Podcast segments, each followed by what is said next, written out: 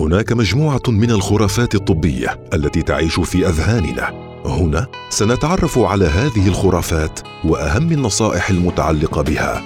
هل المدخن لا يستطيع التبرع بالدم لأن دمه ملوث؟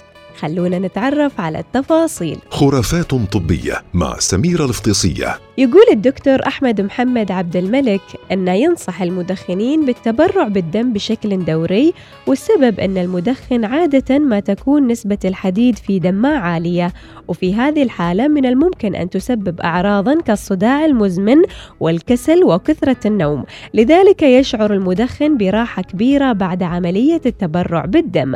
بالإضافة إلى أن الدم المتبرع به سيساعد إنسانا وقد ينقذ حياته وهو وسيلة مهمة لإحياء مفهوم التكافل الاجتماعي بين كافة أفراد المجتمع.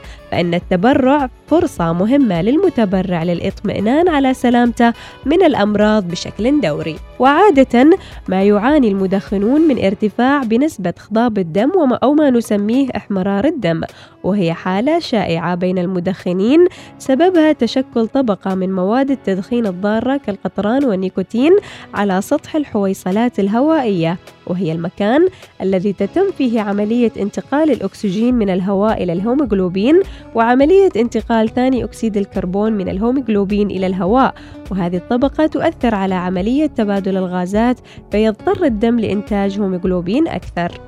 أما من أعراض ارتفاع نسبة الهيموغلوبين هو الصداع والخمول وآلام العضلات والعظام وتنميل في الأطراف وخاصة أصابع اليدين والقدمين ارتفاع ضغط الدم واضطراب وظائف القلب وازرقاق في الشفاه والأصابع وفي الجسم بشكل عام واحتقان في الوجه. الحل أن يتوقف المدخن عن التدخين وهو الخيار الأفضل أو على الأقل أن يتبرع المدخن بالدم بصورة دورية.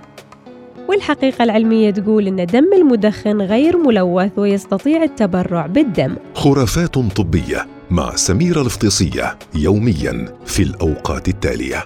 الواحدة وعشرين دقيقة الخامسة وأربعين دقيقة السابعة وأربعين دقيقة.